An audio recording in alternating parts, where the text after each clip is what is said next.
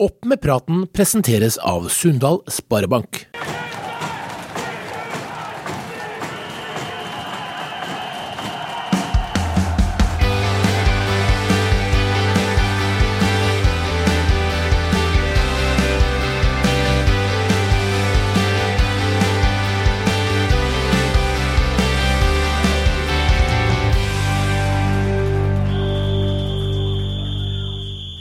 Hei og velkommen til Opp med praten, avisa Driva sin podkast om lokalfotball i Nordmøre og Romsdal.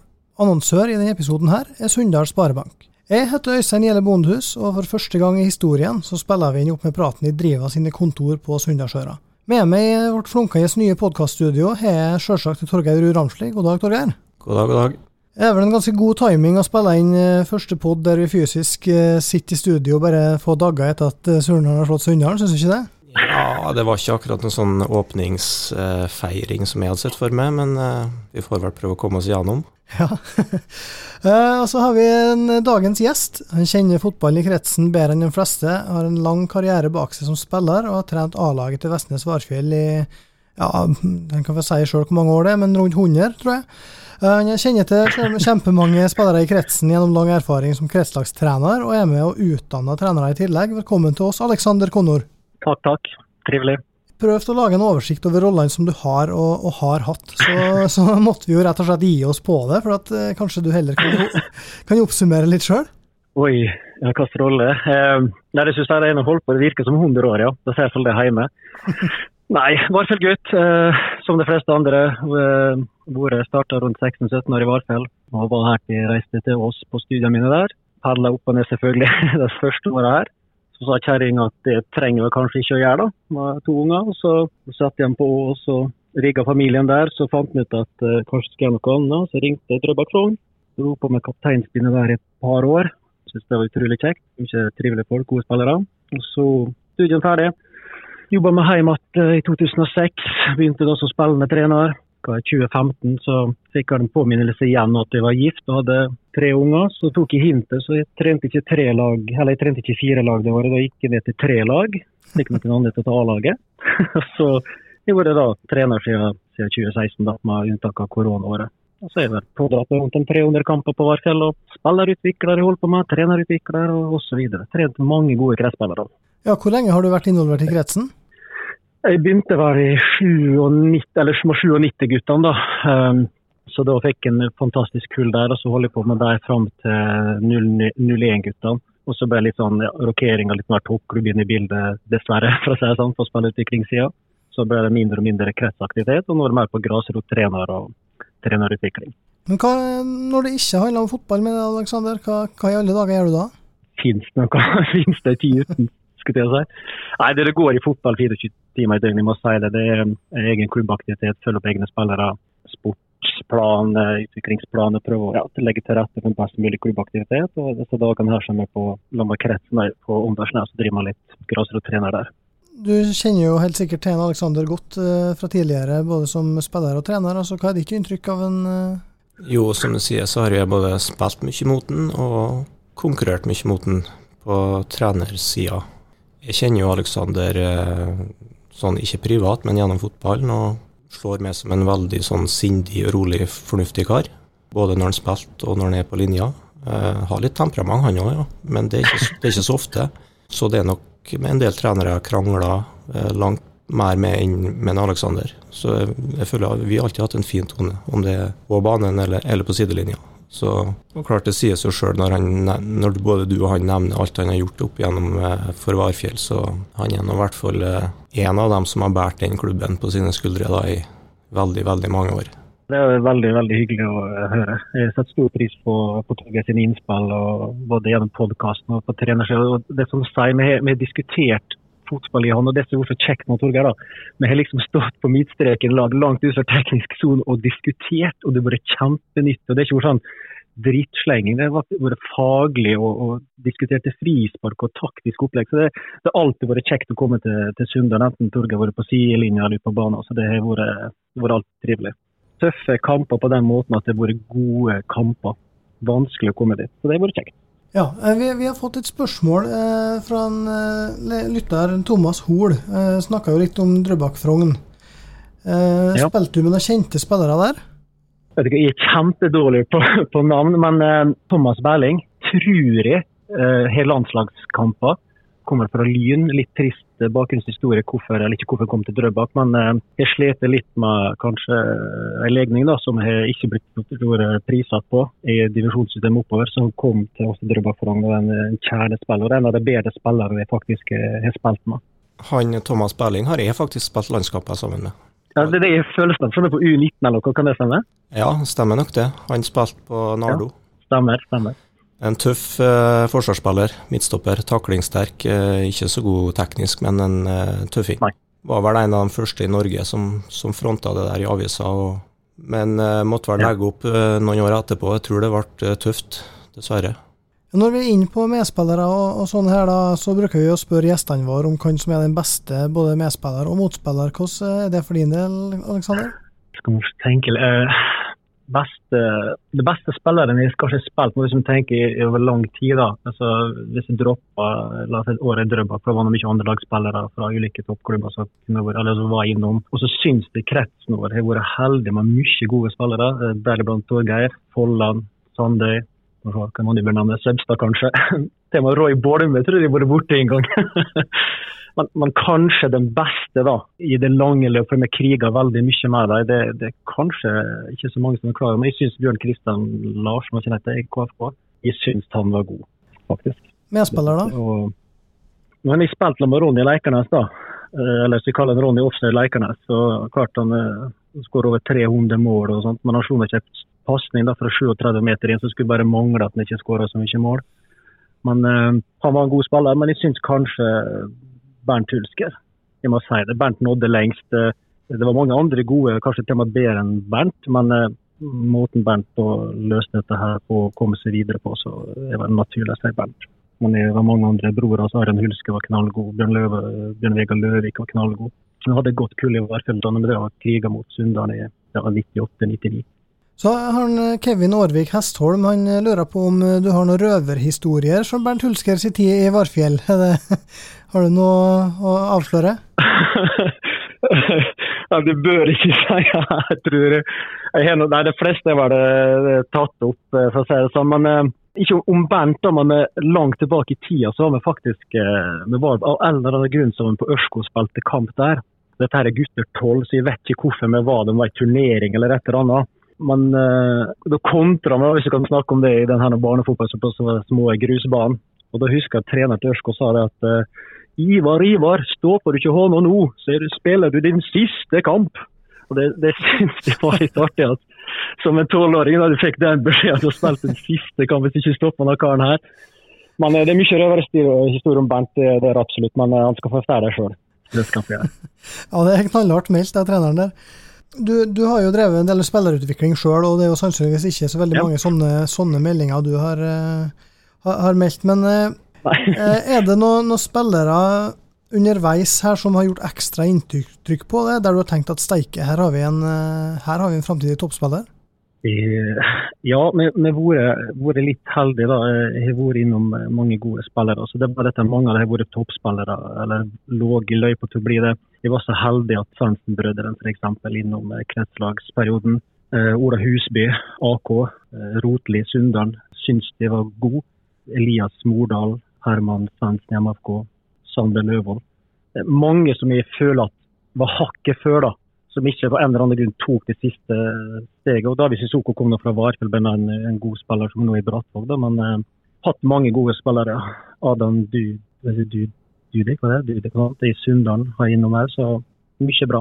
Tor Olav Moe i Molde, Simon, eller Simen Hagbø. Kjempespennende spiller.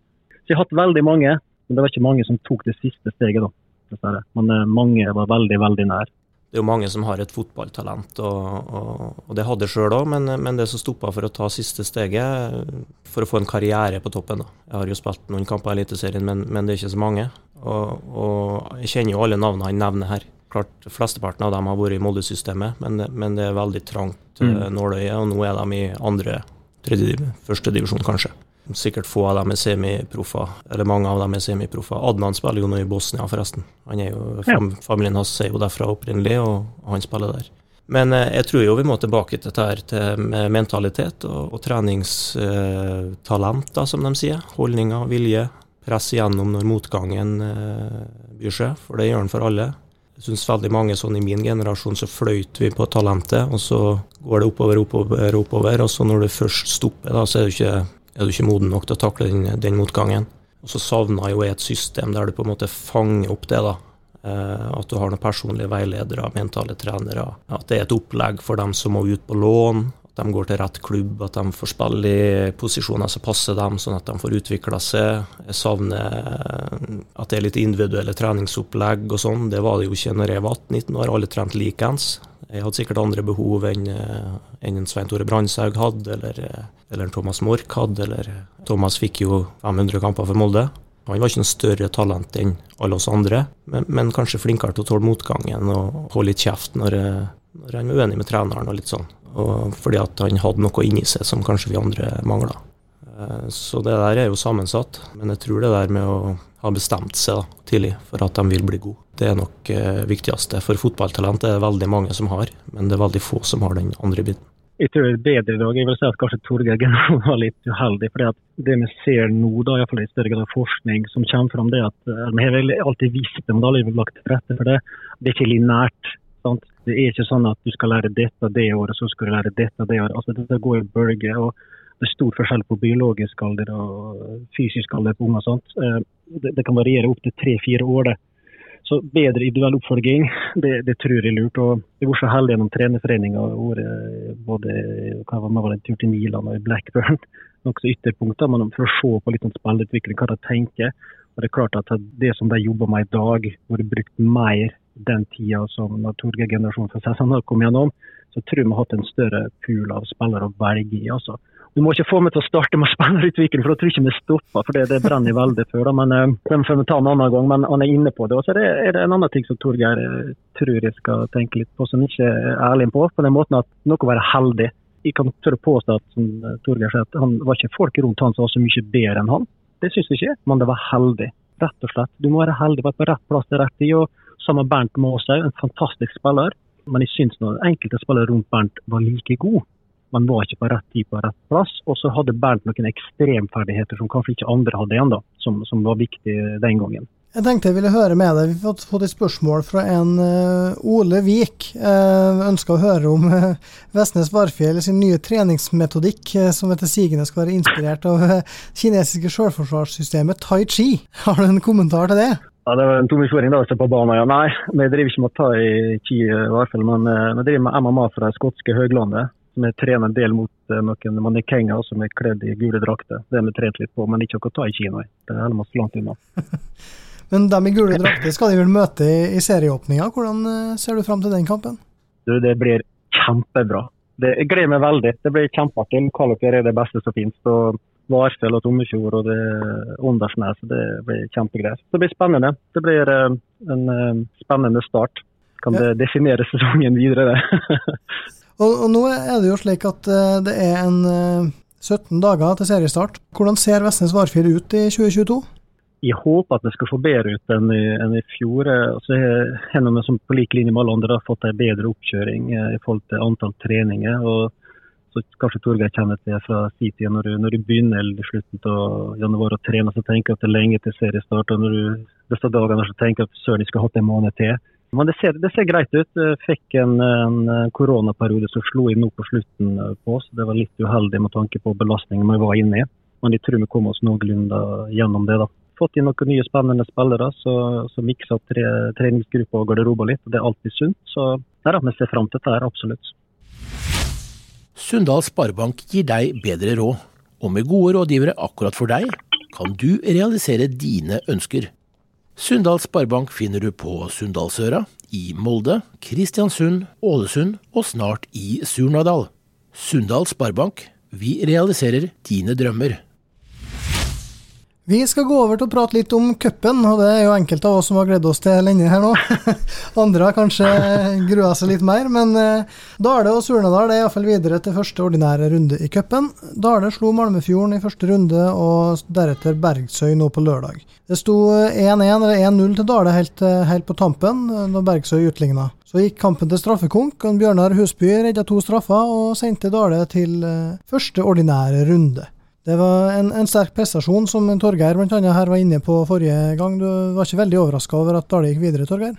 Eh, nei, det var ikke. Eh, jeg hadde vel én treff og én bom da, i de to kampene. Eh, nei, jeg så jo litt highlights, og er jo ikke dummere enn at jeg skjønner at eh, TK plukker ut mest highlights fra Dale. Det forstår jeg, men, men, det så litt ensidig ut den kampen, at, at Dale pressa godt på. Og alle sånne referat jeg leste, og sånn, og så, så sto det det. Så Dale ser bedre ut, syns det.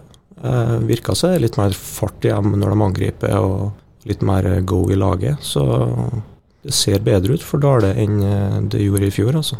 Eh, det gjør det absolutt. Hva tenker du Alexander, om eh, Dale sine muligheter i år? Jeg tror, jeg tror det kommer topp fire, da. Det tror jeg. Jeg tror at det setter litt uh, mer enn i fjor, og kanskje litt mer samspilt og får en litt annen ja, oppkjøring. Sånn som alle andre som sagt, selvfølgelig. Men uh, jeg tror Dale er topp fire i år. To andre lag som eh, ønsker å være topp fire, det er Sunndal og Surnadal, som møttes på Sande i, i helga. og Der eh, endte det òg med spilleforlenging og ekstraomganger. Der òg var det en skåring på tampen som uh, sørga for det. 2-1 til Surndal der, Torgeir. Hva tenker du om den kampen? Nei, først og fremst fullt fortjent seier til Surndal, som skulle ha vunnet kampen etter 90 minutter, etter mitt syn. Første omgang syns jeg er veldig svak fra begge lag. Vebjørn har jo snakka mye om utvikling og sånn, jeg sett i avisa, men det var tydelig at den gangen her kom han til Sunndalen for å gå videre.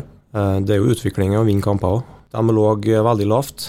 Tok ut uh, Louis fra kampen. Uh, så endelig en back på nivået her som spiller back sånn som du må spille mot driblesterke kanter. Han sto oppi, og sjøl om Louis gikk lavere for å få bli spilt opp, så førte han den hele veien.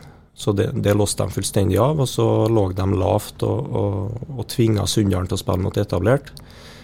Her i dag så er det noe som Sunndalen ikke behersker veldig godt. Litt forundra over måten de angriper på. Når eh, alternativet på kantene blir avlåst, så flytter de veldig mye spillere opp, helt opp i det øverste leddet. Sentral midtbane går veldig høyt, så de angriper i realiteten med to ledd. Forsvarsleddet, og så har de fem-seks stykker som ligger veldig høyt. Da får de et veldig langt lag, et veldig bredt lag. Og når da forsvarsspillerne til Sunndalen ikke greier å ta seg opp i midtbaneleddet, for å si det sånn, verken med ball alene eller spille seg fri og skape overtall, så blir det veldig lang avstand fra ballfører til dem de skal møte. For du greier ikke å spille 50 meter gjennom to ledd. Og da blir det veldig mange brudd, og det blir veldig mange feilpasninger. Og når de kommer, da, så har Sunndalen et veldig langt og bredt lag som gjør at de er veldig sårbare for kontringer. De blir da ikke kompakt. Eh, for da har du fem-seks stykker som står høyt, og så har du fire stykker som står lavt. Så det blir voldsomme rom på midten. Det greide de ikke å løse, og de greide heller ikke å prøve å variere og finne på noe annet eller noe nytt når det ikke virka. Så syns jeg at Surnadal er gode i andre omgang. Syns ikke de er gode i første, men jeg syns de, de, er gode defensivt i første, men ikke offensivt. Og I første omgang er det ingen av lagene som skaper noe. Andre omgangen syns jeg Surnadal er god og, og klart best. Får en del overganger på at Sunndalen gjør feil fortsetter å ligge lavt og, og fremprovosere feil med Sunndalen og får en del overganger på det. Og har totalt sett eh, mange flere sjanser og mange flere farlige tilløp enn det Sunndalen har. Så, så, de vinner fullt fortjent. Og at Sunndalen utligner til 1-1 på overtid, det er jo et lite ran etter mitt syn. Syns ikke Surnadal heller spiller en kjempegod kamp, men spiller en fornuftig kamp. Eh, kommer for å gå videre. og og gjør mer enn nok for å gå videre. Så de spiller en svak omgang og en relativt bra omgang. Så sånn godkjent pluss til Surndalen. Men jeg har sett dem òg bedre. Ja, og det, det er et poeng ut fra det du sier her om at de, de låser av en, en Markus Louis. Sondre Bolme gjør en, en, fantastisk jobb der. Så ser vi jo at når utligninga kommer, så kommer jo det på at Surndalen da eh, er på vei oppover i banen, mister ball, og Sunndal slår blindt bak forsvaret på en Louis som da får brukt det han er god på, og, og skaffa den corneren. Så slipper de da den beste hodespilleren, eh, en av de beste på offensiv dødball i hele serien. Eh, og Petter Melkild som skåra i tredje kamp på rad mot Surnadal. Og det, det, er klart at vi som har sett uh, Surnadal-Sunndalen før, vi følte vel at det lå kanskje litt i lufta når den corneren kom, men uh, Det gjorde det litt. Hvis de først skulle skåre i kampen, så var det kanskje på en dødball.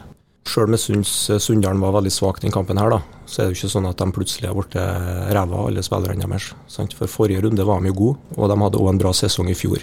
Så nå var de litt tilbake til det der blindsporet de hadde i første seriekampen mot Åndalsnes. Så får vi kanskje håpe at den får samme effekten som den fikk i fjor. da, At det er litt vekker, og at de eh, våkner igjen til seriestart. Jeg forstår, og det er helt naturlig at unge guttene varierer litt. De vil ikke være gode i 20 kamper. Så At det går litt opp og ned der er greit, men, men det er jo de etablerte spillerne på Sunndalen. De fire-fem eldste. Tar ikke med en Petter, som er kanskje den eneste jeg gir godkjent. Eh, Men fire-fem andre der som overhodet ikke leverer på akseptabelt nivå. eh, Ut ifra at de har spilt flere hundre kamper, en par av dem. Så, så det laveste nivået kan ikke ligge der. Ungguttene er avhengig av det at de eldste går litt foran og drar dem med seg, i hvert fall eh, på dager som det butter. Så må de stå fram litt mer. Det forventer jeg å se neste gang. En som eh, til de grader leverte, det var en Andreas Starsek Sæter, som skåra to mål. eh, Begge måla til Surnadal og ble matchvinner. Nå skal vi høre hva han har å si om kampen. Jeg vil ikke si at det var verken en god kamp til noen av lagene, egentlig. Vi bestemte oss med å feire kampen til at vi skulle le litt lenger ned på banen. og Være litt mer defensive enn det vi har gjort før mot Sunndal.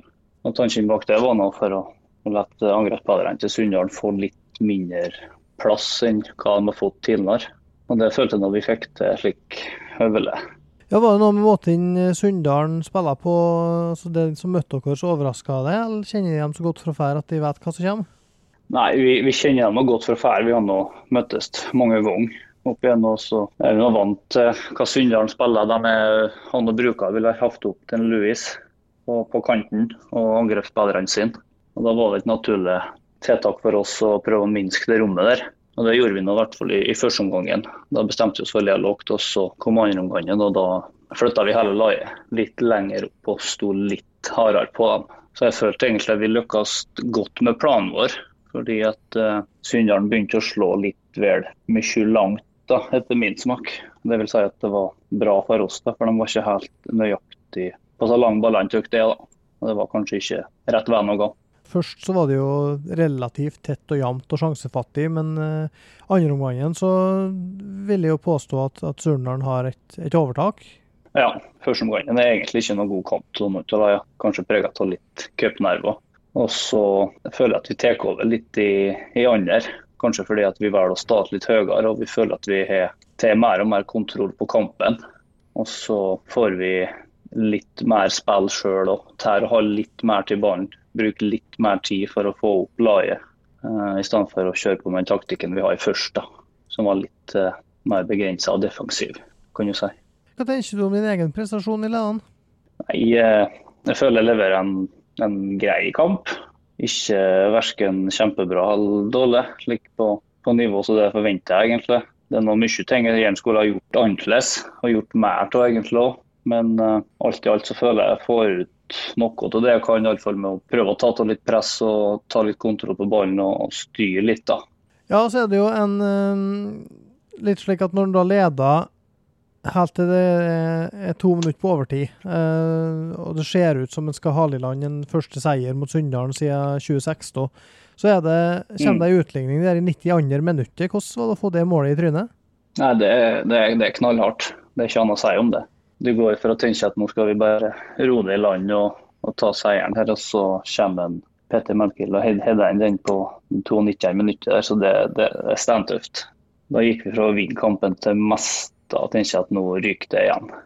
Det er den følelsen du, du får når du ser den går inn der. Jeg må innrømme at jeg tenkte raskt tilbake sjøl til en del tidligere oppgjør mellom Surnadal og Sunndalen. Altså, I fjor senest Markus Louis avgjorde seriekampen på tampen og cupkvaliken for mm. ja, 2019, da leda 2-0 Surnadal og, og tapte 3-2. Altså, hva tanker gikk gjennom hodet ditt da de skulle starte ekstraomgangene og du visste at det var to ganger femte og T? Prøv å være positiv, prøve å snu om mentaliteten på en måte der vi samla oss etter fulltid. Få laget til å, få opp hodet. Kampen var ikke tapt selv om de fikk det målet der. Selv om uh, de kanskje har et lite overtak med mentaliteten der. Så, men jeg følte vi hadde en, god prat etter 90, og så fikk vi til å mobilisere. og Vi, vi visste vi hadde det som skulle til for å kunne dra det i land igjen. da. Og det fikk vi nå til til slutt. Ja, altså for din del så, så, ble det jo et straffespark der etter 102 minutter. Altså, du er jo en relativt rolig mann, men, men her skulle du altså ta en, en potensielt avgjørende straffe borte mot Sunndalen i ekstraomgangene. Hvordan var nervene dine da? Det er nå egentlig ikke noe annerledes å ta en straffe til kampen der i 102 minutter enn en straffe på trening. Det er fokus på å gjøre det du skal. du får ikke gjort noe med alt det andre, egentlig. Så det er nesten den måten jeg kan forklare det på, egentlig. Hvordan er det Nå er det jo første gangen for din del siden cupkvaliken i, i 2014 og 2015 at du har vært med med å slie Sunndalen. Det er jo litt tilfeldig når du har vært med, men det har jo ikke vært mye seire. Er det, er det på tide å ta en seier i seriesammenheng òg nå? Ja, det vil jeg si. Det er gøy å vinne fotballkamper og det er ekstra gøy å vinne mot Sunndal, men det har ikke vært ofte nok. Så sier jeg meg enig med det, Øystein. Det er på tide å prøve å få til i, i serien, absolutt. Torsdag klokka tolv så kommer oppsettet for førsterunden i cupen, der Surndalen altså da er med i lag med Dale. Eh, kan du å få der? Nei, jeg har ikke tenkt så mye på det, egentlig. Det er noe slike kamper uansett kan det bli så handler det om å kose seg. da. Slippe noen skuldre inn. Det hadde vært gøy å få til et storlag, da. For om det er Molde eller Kristiansund, det, noen av dem hadde vært kjølegutter. Da har vi fått prøvd oss mot toppen. Så er det jo slik at vi, vi har jo holdt på her i Opp med praten og diskutert eh, både enkeltspillere og lag her nå i fjor og i år. Og i fjor så utropa lytterne det til fjerdedivisjons aller beste spiller. Hva tenker du om det? Gutt å bli kåra til det, men uh, skal jeg være ærlig så følte jeg ikke at det har noe særlig god sesong i fjor. da. Nei. uh, jeg tøkte egentlig det var en av mine, mine dårligste, skal jeg være 100 ærlig. da. Jeg følte ikke jeg fikk ut, fikk ut det jeg kunne. og et eh, par avgjørende situasjoner til tette kamper, så jeg følte ikke håndtert godt nok. da. Men eh, hvis folk stemmer fram og stemmer fram likevel, så gjør de sikkert noe rett. Hva gjør det med motivasjonen for året i år? Nei, klart Du får noe litt gratis motivasjon der. da. Hvis du liksom er, føler at du ikke får ut eh, potensialet. da. Uh, Selvsagt ser litt mer positivt på å, å bli med og spille fotball og vise hva han er god for. da. Ja, hva, hva ambisjoner har du på egne og lagets vegne i år? Vi sier slik som vi alle har gjort, med fokus på, på utvikling. Det er sagt at vi er, det vi er et ungt lag. Vi kan ikke ha bare fokus på utvikling. Her vil liten og Tora si at vi vil være med og kjempe i toppen. Såpass uh, høye må vi være da, og si at vi vil være med der. Vi er gode nok. Hvis vi får, får roa oss ned og, og, og godt og, og, og slipper skuldrene før kamp, så kan vi ha sjanse. Det var kjølig mm. trivelig å ha deg med, Andreas. Så ønsker vi deg lykke til videre i sesongen. Jo, takk. Gøy å bli invitert. Ja, det var en Andreas Arsek Sæter, altså. Hva tenker du om den eh, sier her, Torgeir? Nei, Det er ikke noe fare for at han skal ta av, i hvert fall, hører jeg. Det er rolig og beskjeden kar på egne vegne. Nei, jeg syns jo at eh, jeg fikk se det nå i helga av en Andreas som jeg savna i fjor. Tar mer ansvar, dekker større rom eh, og dekker mer av banen kan du si, alene, både, både offensivt og defensivt. Og, og går òg fram og, og, og skårer mål. Vi vet jo at han skyter godt med begge bein. Det har vi sett før. Så Selv om han spiller sentral midtbane i en sånn ankerrolle, så går det an å, å gå opp i banen, og, og, det har han kapasitet til å gjøre. Da kan jeg de andre bare gli inn. Jeg ser òg at han dirigerer og styrer litt. Vi hører han ikke så mye, men jeg hører at han gir litt beskjeder. Sånn som dere skriver i avisa, så, så var han klart best på banen og, og viser at han har et annet nivå inni enn resten. Det sto jo én divisjon opp. Jeg så jo treff Nardo nå i en treningskamp som gikk på Sunndalen for et par uker siden, og kan ikke se at Andreas skulle hatt noe problem med å spille den kampen på noen av lagene, og det er jo to divisjoner opp. Så i alle fall treff, da. Beskjeden kar, høres ikke så ambisiøs ut på egne vegne, men eh, er jo litt uh, sindig surndaling, da. Hører jo det klart at han har kvaliteter til å kunne spilt uh, høyere divisjoner, det er jo ingen tvil om. Alexander, du er jo trener for Vestnes Varfjell, og hvis du har fått valgt hva spiller du ville hatt med deg fra andre klubber enn i Fart Ledd f.eks., hvem du ville hatt med deg på laget ditt? Skal vi si at jeg ville ha Utan Dalsegg inn på midten, da? Jeg så på litt fra i fjor, skjønner du, tenkte veldig på det. og så jeg hadde ja, Dalsheim på hvitt inn der, på en sentral. Spissrekka mi er faktisk veldig fornøyd med. Nå har vi fått inn to karer, Adrian Kosinski og Håvard Haugli Nybråten, som kom fra treff. Veldig fornøyd der. Så jeg tror jeg ville bare hatt inn han, faktisk. Rett og slett. Det, vi trenger litt rutine og litt tyngde. Det, det vi mangler i Varfjell. Det er litt sånn defensive fiber. som sånn person har vært, vært ypperlig for oss. Vi har et relativt ungt lag, som er 22 år i snittet. Eh, vi har en 3-4-0-4 gutter som ser ut som å, å, å ta en plass i startelveren. Så litt rutine, personer som har vært med litt i, i, tøffe kamper før, er kanskje det vi mangler. og Det er kanskje det som er litt vår akilles her i år. Torgeir, hvis du skulle vært noen fra fjerdedivisjon, er det noen som stikker seg ut? Ja, jeg tror òg at det er flere enn én som kunne ha forsterka Varfjell, da, bare så det er sagt. Men, Ja, det går, blir en god, eh, god sesong for Værfjell i år. men eh, eh, ja, nei, det, det sa jeg jo i fjor, at jeg syns jo Andreas er den beste midtbanespilleren og den beste enkeltspilleren. Sammen med eh, Joakim fra, fra Dale, men hvis du ser bort fra han, da, som kanskje på en måte har lagt ambisjonene på hylla og har vært- vært på toppnivå før Kåssberg hadde jo en veldig god sesong for, for Tomrefjord, midtstopper. Hvis du skal ta en angriper, så er det litt vanskelig, eh, bortsett fra han i, KBK, da, som, som skåra veldig mye mål. Hvis du skal tenke litt sånn lokale spillere, så syns kanskje vi mangler litt av disse her spisstypene, som var litt sånn garantister for eh, 25-30 mål før. Der håper jeg at litt unggutter kan, kan ta noen steg opp. Så jeg syns på en måte ikke det er noe sånn lokalspiss som skiller seg veldig ut. Det er, noen, det er en del lovende, men ingen sånn eh, garantister. Orker ikke nevne Angvik og sånn eh, lenger. Det, han er snart 40 år og, og spiller knapt. Vet ikke om han skal være med heller. Så, Skal visst ikke det. Nei. Så den generasjonen må vi se litt vekk fra. eh, Og da, da ser jeg egentlig ikke noe sånn eh, voldsomme. Men eh, det er en del unggutter. Åsbø på Surndalen, Li på, på Sunndalen. Han i KBK og litt andre lag. Så han Tobias Larsen, der er det han heter i Dale. Tobias Dale. Tobias Dale, mm. På Dale. Ja, jeg vil se en litt sånn ekte Golgetra igjen. Ja, det, det nevnte jo ikke da vi snakka om Dale her, eh, men han skåra jo to mot Malmefjorden i forrige runde, og er jo tilbake igjen etter å ha mangla i fjor. Og var jo eh, en av grunnene til at de var tippa såpass høyt som de var i fjor, og tilbake i år. Så det er klart en, eh, en goalgetter er mye å si, men å få opp de profilene der på topp, det, det blir viktig for alle klubber, selvsagt. Det er ikke så mange som har dem per i dag.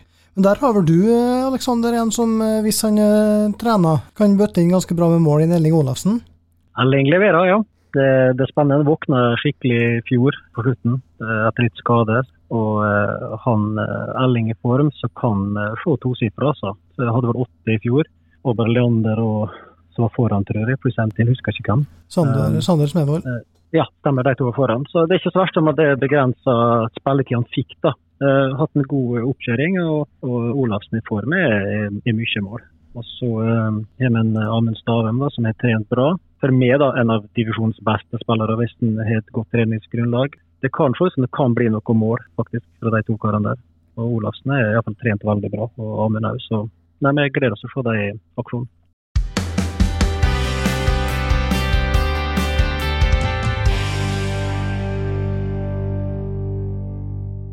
Vi har fått inn noen spørsmål Alexander, til det fra lytterne våre. Det første her er nå fra en Sivert Ord, som vil at ryktene skal ha det til at Varfjell er interessert i Skålas Messi Arnstein Lillevik. Det verste av alt at det, det er sant. Eh, Med førsteårsbarn eh, Ja, det er sant. Han eh, kontakta Molde og spurte om til å snakke med Arnstein. Det skulle han få lov til, men eh, han er nå så steike opptatt. Plutselig var det Dubai, og så skulle han komme og trene litt, og så fikk han korona. og Så plutselig var det, var det er det Colombia nå, så det Nei, det, det rant vekk litt. Men eh, den spiller med som kjenner flere av våre spillere, da, og så kjenner jeg godt eh, fra før. og så har han lyst til å spille litt fotball. Det var litt smuldre opp den gjengen han trente med. Så unge her ordet har faktisk helt rett. Vi prøvde oss på Arnstein. Ja, her er det overgangsrykter bekrefta direkte her. Ja. Det, det er ikke dårlig. En annen spiller som eh, du og andre på Værfjell kjenner godt, det er nå en Liam Connor, eh, som det er henta hjem. Hva, hva betyr den signeringa for dere? Eh, Økte husutgifter for han et så jæklig mye når han er hjemme. Så det, det er det første det betyr. Eh, Lommeboka og matbudsjettet blir sprengt her. Eh, Nei, eh, det, det gir oss litt mer valg, da. Eh, Serien er venstrefot eh, midtstopper som kommer tilbake og ja, fyller på godt med den, den rutinen vi har baki der. Og en spillende midtstopper, sterk. Så jeg håper vi får får bruke den litt, ja. Ja, for han bor i Trondheim. Han studerer fysio i Trondheim, og det er han som nå en praksis i, på sykehuset i Ålesund, så han er vel her iallfall fram til sommeren. Ja. Da regner jeg med at han ryker opp til Antoli. Og Apropos overganger, så er det jo siden forrige podkast så har da tidligere Sunndalsspiss Krisander Nyland signert og debutert for Hei fra Porsgrunn. Vi var på prøvespill i Pors, men i helga så var han med på å sende fjerdedivisjonsfavoritt Hei til første ordinære runde i cupen.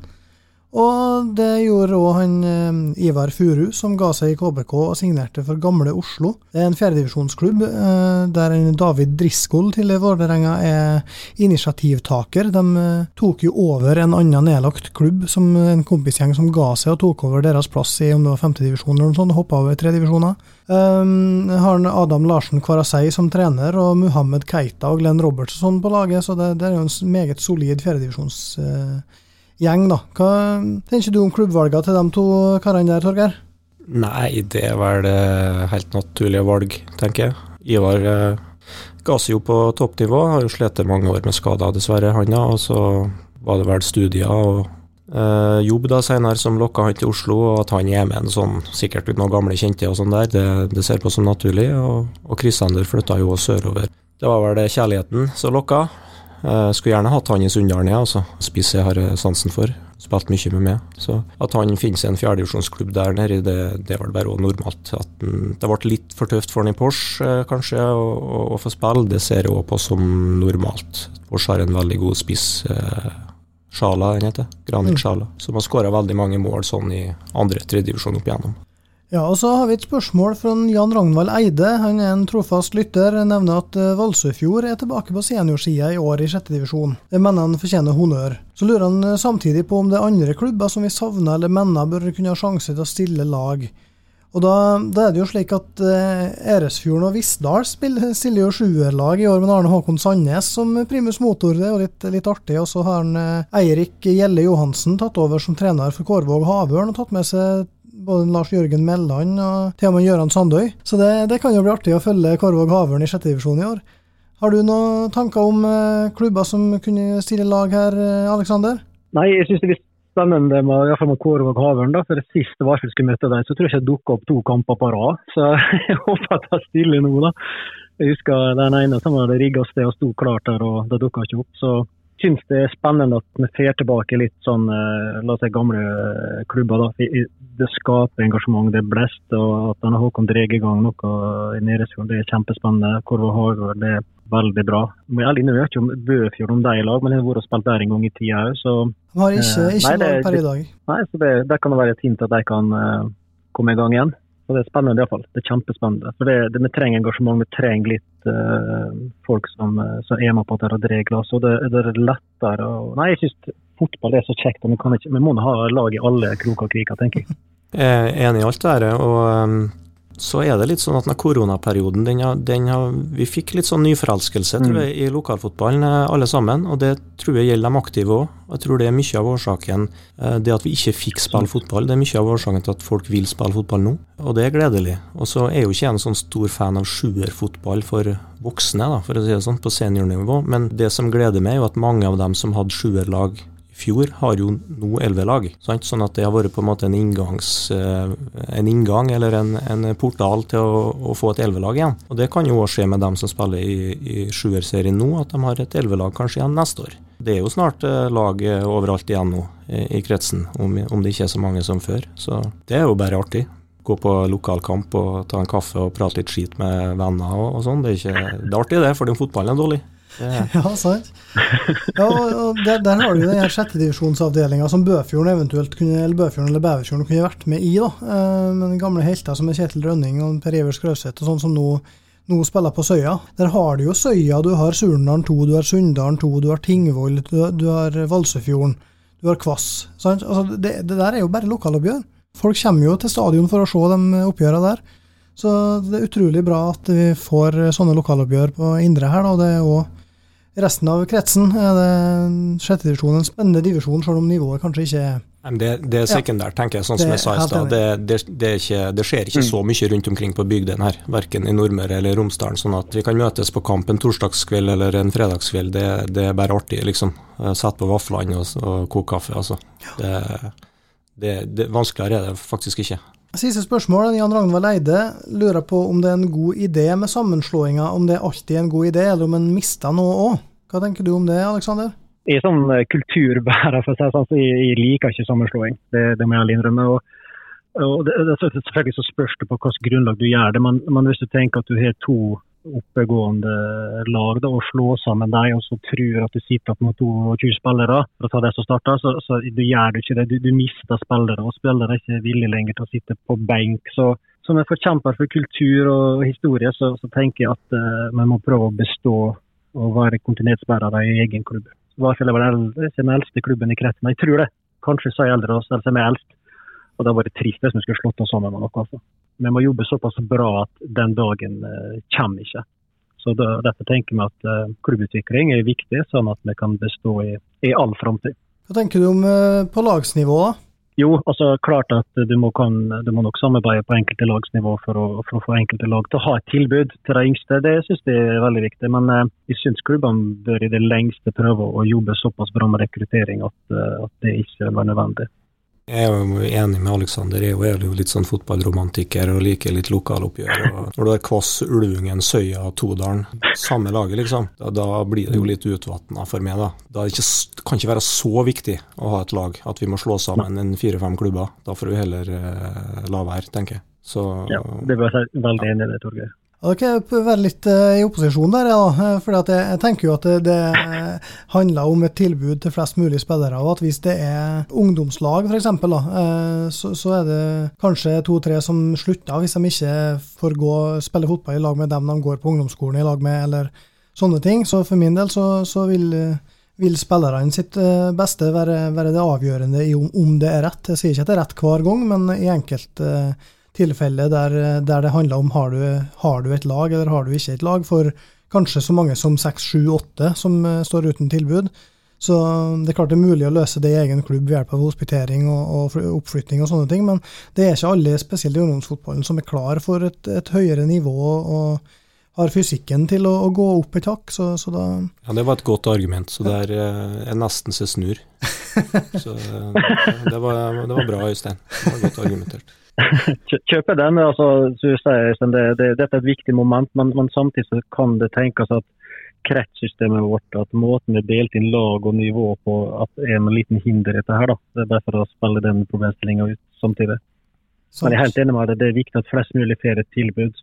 Og Vi har det egen klubb at, at folk og, som ønsker et tilbud som ikke er klar for uh, fjerdedivisjon, det datt litt imellom, i og med at de beste juniorene som kunne danne et juniorlag, er fast på et A-lag. Jeg, jeg, kjøper den fullt ut, og det er noe vi prøver å jobbe med, iallfall lokalt. Men, eh, men kanskje måten vi satte opp systemet på med aldersinndeling og sånt, er en liten sånn akilleshæl. Ja, nei, men det, det, høres ut som en helt egen podkastepisode, egentlig. og, eh, jeg tror egentlig at eh, jeg gir meg på topp, for at nå er jeg så fornøyd når jeg fikk så mye skryt her.